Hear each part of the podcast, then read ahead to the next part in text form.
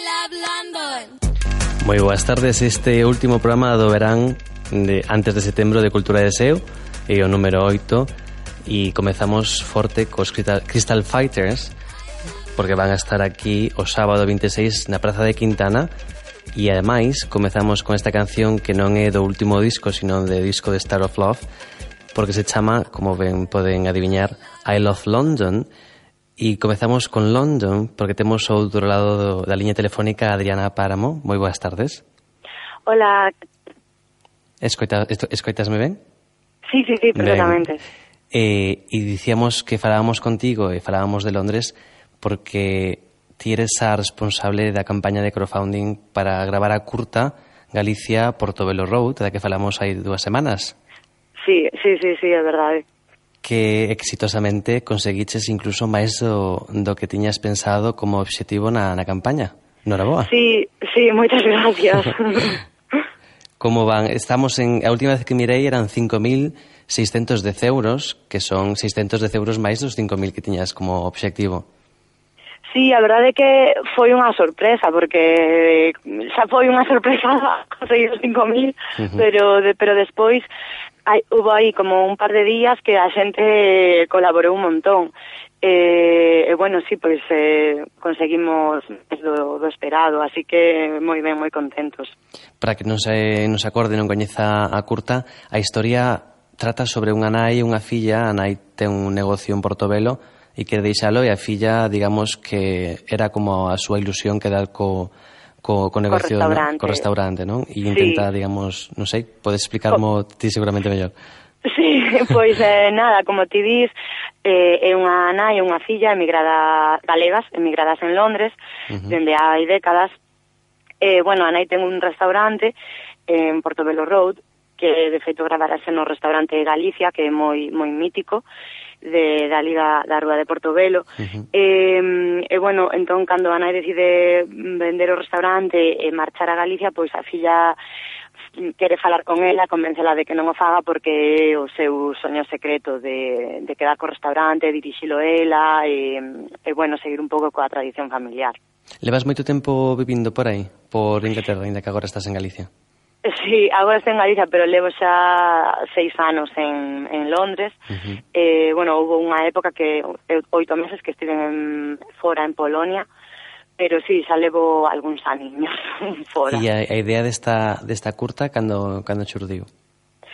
A verdade é que a primeira idea que tiven, bueno, eu dende que cheguei a Londres no 2008, uh -huh. eh, sempre quixen facer algo en Portobelo Road porque chamábame moita atención pois todas as tendas españolas, os restaurantes españoles e galegos, uh -huh. e pois un pouco a, a pegada que deixou a comunidade española galega ali. Uh -huh. Entón, de feito eu ex, fun a estudiar en, en Londres na escola de cine, a London Film School, eu xa propuxera facer un documental nun, nun dos trimestres pero bueno, non foi elexido, entón quedoume como esa cousa de, de facer algo con esa temática. Uh -huh. E despois, pois no 2012, decidín escribir eh, un guión de ficción, entón como que unín ese tema co tema da, da familia, eh, un pouco un pouco inspirado en toda esta que estoy dicindo da comunidade española alá, uh -huh. porque bueno, eh, son iso,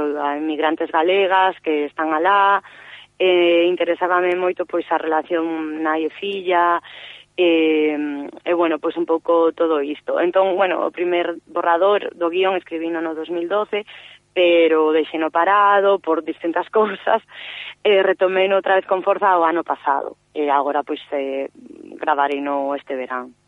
Estive montando contas 204 104 mecenas na, na campaña de Berkami, o que sí. é unha media de, de, de casi 54 euros por persoa, que está moi ben. Sí, está moi ben. A verdade é que cando empecé o crowdfunding non sabía moi ben como funcionaba, porque, bueno, en, en Inglaterra sí que é un sistema que está moi extendido, penso que máis que aquí, uh -huh. que, que en Galicia, que en España pero eu non o fixera nunca, entón, pois, de feito, tiven que informarme de como era e tal. Eh, é bastante duro, máis do que pode parecer, pero ao final que sí que resultou moi ben, pero gracias es, principalmente ao apoio de familiares, amigos e, e coñecidos. Sí, porque realmente, bueno, das veces que teño falado con persoas que se atreveron a meterse nunha campaña de crowdfunding, eh, parece fácil, pero despois facer toda, todas as redes sociais e estar continuamente pedindo sí. Eh, que, que, que se colabore, sí, claro. que está moito sí, tempo. claro, pedirse non é fácil, pedir diñeiro, eh, bueno, eh, sobre todo para claro que a xente ten que dar, ten que aportar algo eh, para, para, para un proxecto que, que ainda non está feito, entón, pois, Ás veces iso non é non sei, non é como moi ben recibido, non? Uh -huh. Eh, pero bueno, a verdade é que sí que estou moi agradecida a todos os que colaboraron, porque é, de verdade que é algo increíble, non? Que tanta xente poña o seu pedaciño de, de area e, bueno, está moi ben. E eu sei que en cada, depende da páxina na que te registres, hai algunhas que quedan cunha parte do, reca, do recadado ou como vai con Berkami, que non teñamos... Sí, claro. sí, sí, sí, é tal como estás dicindo, que ademais é iso, non? Que ti no obxectivo que ti marcas, tens uh -huh. que ter en conta que a páxina vai quedar co, cunha parte que, bueno, é normal, uh -huh. dentro do que cabe, eh, ademais a plataforma de pago queda con outra e o banco queda con outra parte. entón, pois sí, Quedará que, eh, para ti. precisamente, que moitas veces iso, a xente realmente non sabe como vai e como funciona e que é moito, hai moito traballo detrás e ademais uh -huh que todo o diñeiro tampouco é para ti, eh, porque tens que ter en conta todo isto, entón pois sí, é moi duro. Supoño que ademais ter que ao contar con terás que contar con colaboración e apoio de, de xente que está contigo, colegas, digamos, para facer a, ro a rodaxe. Sí, sí, sí, sí. sí. Eh, favores, basicamente, de, bueno, mm. xente na, na mesma situación que a min e que, e que bueno, pois pues que colaboran porque lles gusta isto, pero pero bueno, sí, eh, a través de, co, gracias ao presuposto que teño con co crowdfunding e logo pois tamén favores de uh -huh. da, da xente do equipo. Cando cando ides gravar? O 17 e 18 de, de agosto. Pois moita sorte, moitas grazas por atendernos Estaremos pendentes de, de esa rodaxe Se podemos volver a falar Sería estupendo eh, coñecer a, pois digamos, o resultado final da curta sí.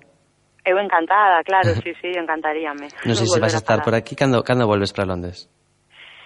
Eh, nada, para Londres xa volvo eh, a semana que ven, uh -huh. eh, pero bueno, eu teño, se todo sae ben, quero que, que a curta este rematada antes de finais de ano, uh -huh. e logo pois volverei para estreala por aquí e movela por aquí.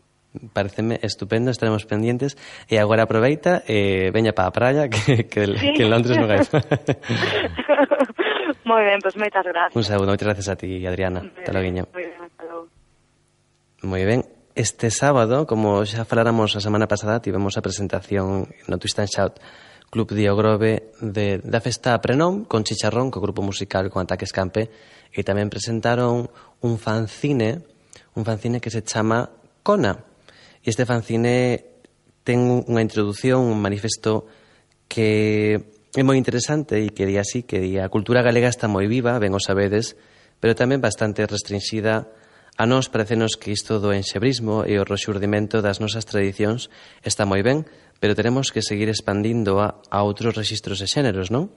Por iso lanzamos o fanzine Cona para que as creacións actuais das rapazas e mulleres galegas teñan unha plataforma na que se soster polo menos ao comezo.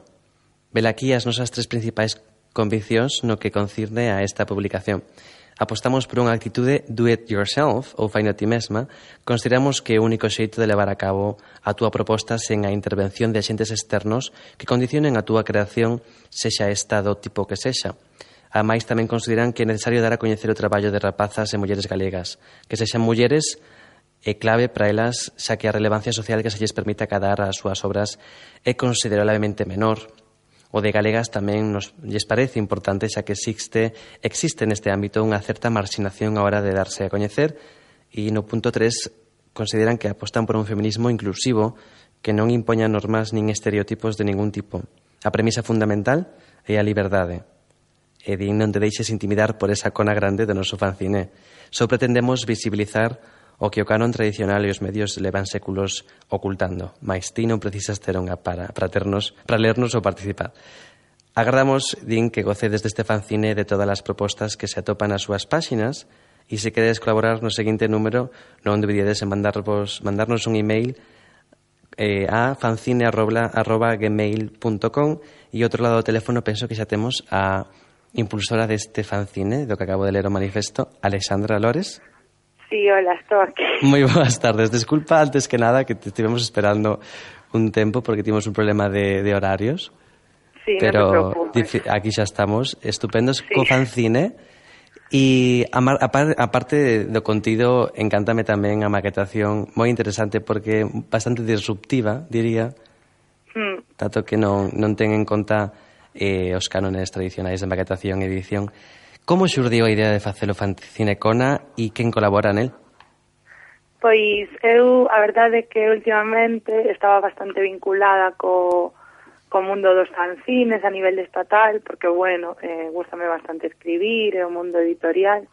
Entón, fun coñecendo a xente que, que facía este tipo, que levaba a cabo este tipo de formatos, e eh, participei en, en algúns, E nada, todo, todo, toda a ideoloxía, como, como ti comentabas agora, que, que leva implícita o, o formato do fanzine, que é todo isto de facelo o teu xeito, sen ningún tipo de, de pois non sei, de, de guía ou de norma, non? Eh, pois parecíanos moi interesante e o formato perfecto para, para levar a cabo este tipo de propostas que, en certo modo, non, non subversivas, pero sí que intentan un pouco rachar co, co normativo, co alta cultura, uh -huh. todo iso. E a máis de, de, de, da túa colaboración, obviamente, quen, quen traballa dentro do, do fanzine? Alguén que nos podas recomendar? Sí. Pois o que ti comentabas antes da maquetación, que, que, que en certo modo estou super de acordo co que dis, porque é como bastante van, vanguardista, e eu non sei, incluso ata diría dadaísta, pero habería que preguntarlle a, aos autores que son Mare e Rubén de Prenón, uh -huh. que, que xa que xa os coñecerás, penso. Sí. Eh, E nada, e despois eh, estou eu como un pouco como antóloga, eh, e a miña amiga Iria é a, a correctora. Uh -huh. E despois eh, eh, as que as rapazas que participan no fanzine, pois pois son amigas ou rapazas que, que me gusta a súa produción artística. E nada, que contei con elas para isto, elas pois estiveron de acordo en participar, e foron moi generosas o permitirnos os seus traballos. Uh -huh. E nada, penso que quedou bastante ben. Ti que eres filóloga inglesa, que sí. crees que a túa formación tamén che permitiu coñecer ese tipo de, de publicacións ou estar máis interesada en algún tipo de pois de publicacións ou de formas de, de facer e de escribir que non son a liña normal en Galicia? Sí, pode ser. O que é certo é que o mundo do fanzine cheguei eh, a través de, de publicacións estatais, porque, bueno, nunca, nunca tive a oportunidade de ter nas miñas mans algunha algunha inglesa ou, ou estadounidense, pero sí que é certo que o meu gusto pola música punk e todo isto que, que entronca moito co, co que falábamos do do it yourself, uh -huh. pois xa, como sempre fui un fan dende moi noviña, pois xa, xa coñecín pois este tipo de, de formatos ou de propostas, así que van un pouco da man de, tamén de, deste xeito de concebir a arte ou que non fai falla o mellor ter pois non sei, unha carreira ou ser non sei, eh, algo normativo que falaba antes uh -huh. da alta cultura e todo isto é que calquera é quen de, de, de leválo a cabo e así foi como fixemos nós uh -huh. Como decides ao comezo na introdución consideras que quizáis eh, eu penso que eu tamén estou de acordo con isto de que parece que estamos sempre falando de, no, de, da tradición e de, sí. do resurdimento do resurdimento e consideras que, que é necesario obviamente tirar e apostar por xéneros e registros novos, non?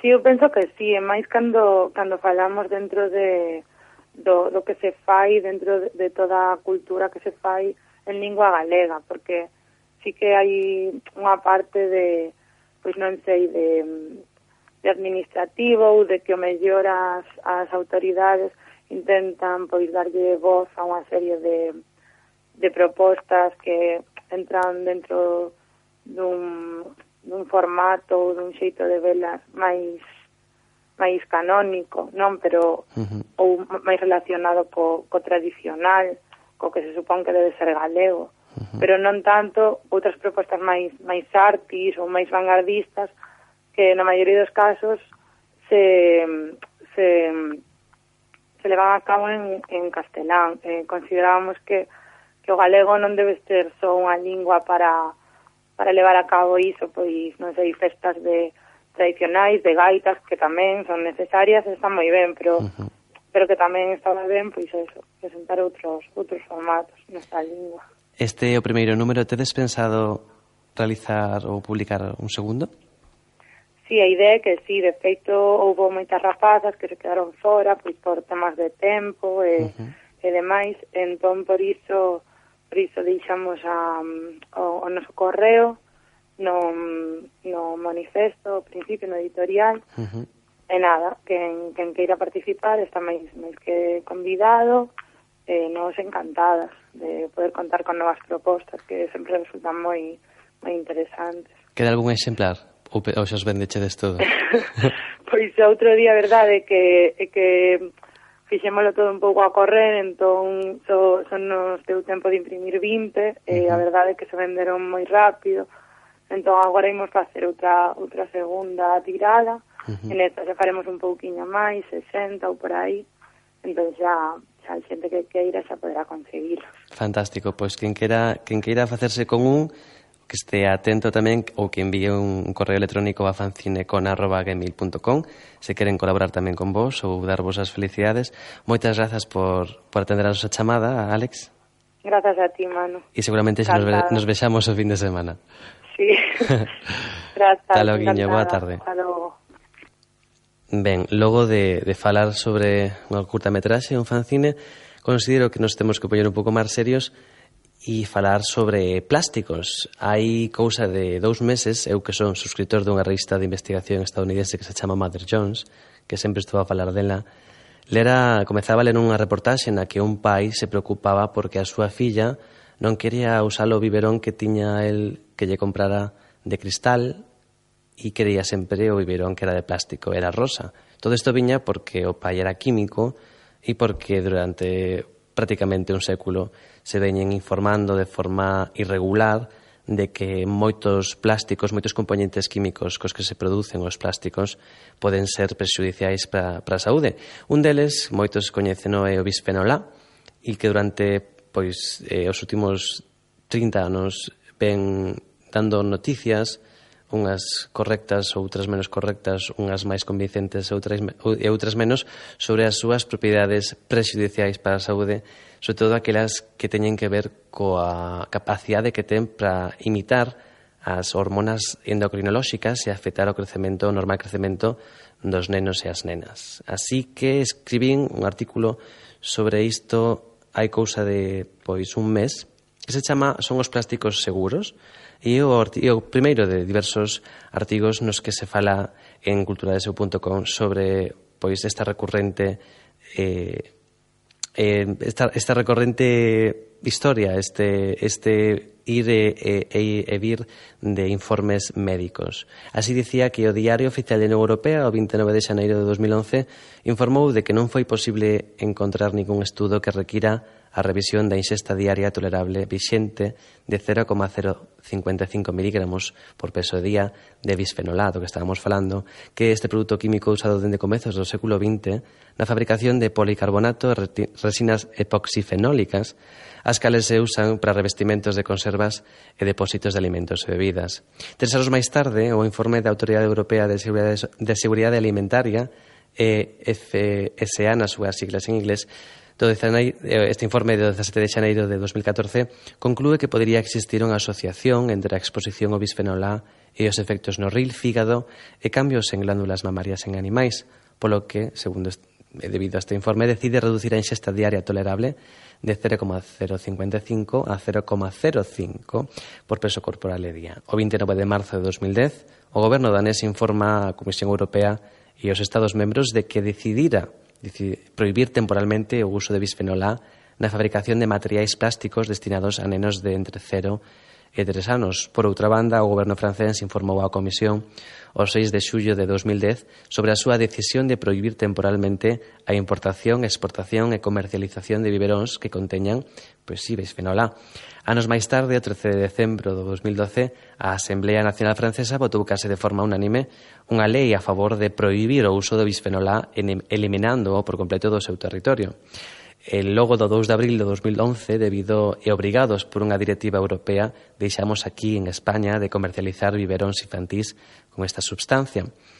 Diversos estudos levados a cabo nos Estados Unidos de América, segundo recolle esta revista da que falaba da Mother Jones nunha reportaxe de investigación, encargados a axencias independentes como a Certicam, por consumidores, sobre todo pais e nais, preocupados polos efectos adversos que o bisfenol A e xa tamén os seus substitutos poidan ter como disruptores endocrinos e afectar o normal crecemento dos bebés, viñeron estes estudos, como digo, sacará a palestra de novo a perigosidade destas resinas presentes no noso día a día. Cada certo tempo sabemos que aparecen estudos que pensaxen a fin do petróleo e en consecuencia dos plásticos. Agora chegan de Alemanha, seguramente as viron novas sobre un supermercado sen plásticos, o Original Amber Pact, E expertos en toxicoloxía como Eduard Rodríguez Ferré, que saíu en Salvados na sexta con Jordi Évole, afirman que producimos máis substancias das que podemos testear, de que a maioría das veces a única forma de saber se son nocivas ou de todos os seus afectos contra a saúde, a única forma, como digo, é comercializala e esperar. E ademais aconsellannos que o mellor que podemos facer é diversificar a nosa dieta coa fin de merendar moitos e diferentes químicos para evitar a súa acumulación e ao ser moitos pero diferentes, eliminar o dano que nos podan causar ou minimizar o dano. Canto tempo máis imos a estar baixo esta espada do lobby petroleiro? Pois supoño, supoño que ata, pel, ata que o pelo da crin de cabalo aguante como na, na, na, na historia de, da, da espada a espada de Salomón, non, como era a espada a ver, Reyes de Damocles. Ra gracias, Reyes. Gracias, Reyes é, é que está facendo de técnica agora mesmo e foi a única persona que dixen a quen acu a quen acudo por día. E ben, pois estaremos todos cegos de progreso tecnolóxico, pois non o sei, pero como fago de, como de costumbre imos rec recorrer unha cita, neste caso é de, do meu sociólogo de cabeceira de Sigmund Bauman, que dicía no 1993 nun libro titulado Ética posmoderna, falaba de que grazas á ciencia, os perigos poden, ou polo menos poderían, descubrirse anticipadamente de maneira que se poida facer algo, na medida na que os riscos da modernización tornan científicos, a súa latencia é eliminada. A ciencia é, igual que antes, un importante vehículo de progreso, pero de maneira novidosa da crítica transmitida publicamente sobre o desenvolvemento anterior se converte no motor da expansión. A ciencia, por dicilo así, fomenta o progreso o revelar e criticar a natureza prexudicial dos seus logros anteriores, o que isto significaría, non obstante, de se atopares unha visión desapegada é que a ciencia está suma, sumamente ocupada producindo ou dando folgos á produción dos obxectos da súa futura indignación. Reproduce a súa propia indispensabilidade ou amorear erros e ameazas en desastres. De acordo co principio, xa manchamos isto, temos que limpalo, e con maior énfase este é o tipo de lixo que só, no, que só nos sabemos como limpa. Ética posmoderna de Sigmund Bauman, citando ademais a Ulrich Beck, todo un sabio que ten agora 88 anos e esperemos que polo menos viva uns cantos deles máis. Ímonos a ir como de costume e son son cerca das... Non vos vou decir agora porque este programa en directo e non sei agora. Vamos a irnos con Chick Corea, porque a máis dos Crystal Fighters que van a estar na Praza de Quintana tamén temos outra cita neste caso no Museo Centro Gallás na Cidade da Cultura e vai a estar un, un dos considerados mellores pianistas de jazz do mundo que é Chick Corea en dueto con Stanley Clark que non se lle queda, non se lle queda por baixo e vai a estar no Museo Centro Gallás o 26 tamén o sábado ás 9 da noite. Non sei, e isto digo, digo de forma sincera que non sei se se vai escoitar ben, porque no museo hai moito, hai moito hai, bueno, é moi alto todo aquilo pero eu eh, non vou decir nada, despois vanme chamar a Cidade da Cultura, vanme botar a bronca. E monos ir cunha canción del pero con cunha das miñas, das miñas pianistas preferidas. Ela é xaponesa, ela chamase Hiromi Uehara e grabou un, un disco de duetos con Chico Corea hai xa uns anos. E hai un dueto que ten un nome que nos ven moi ben porque é un nome que, bueno, eh, ten que ver co, co verán. E ten que ver pois pues, obviamente co Summertime. É unha interpretación de Summertime dese clásico de estándar de jazz e xa nos imos a ir. Moitas grazas por estar aí. E vámonos, si, si Dios quere vámonos a escoitar de novo en setembro. E senón, pois eh, siguen, poden seguir o resto do tempo que non este en radio o blog de culturadeseu.com. Chicorea, Hiromi Uehara, Summertime.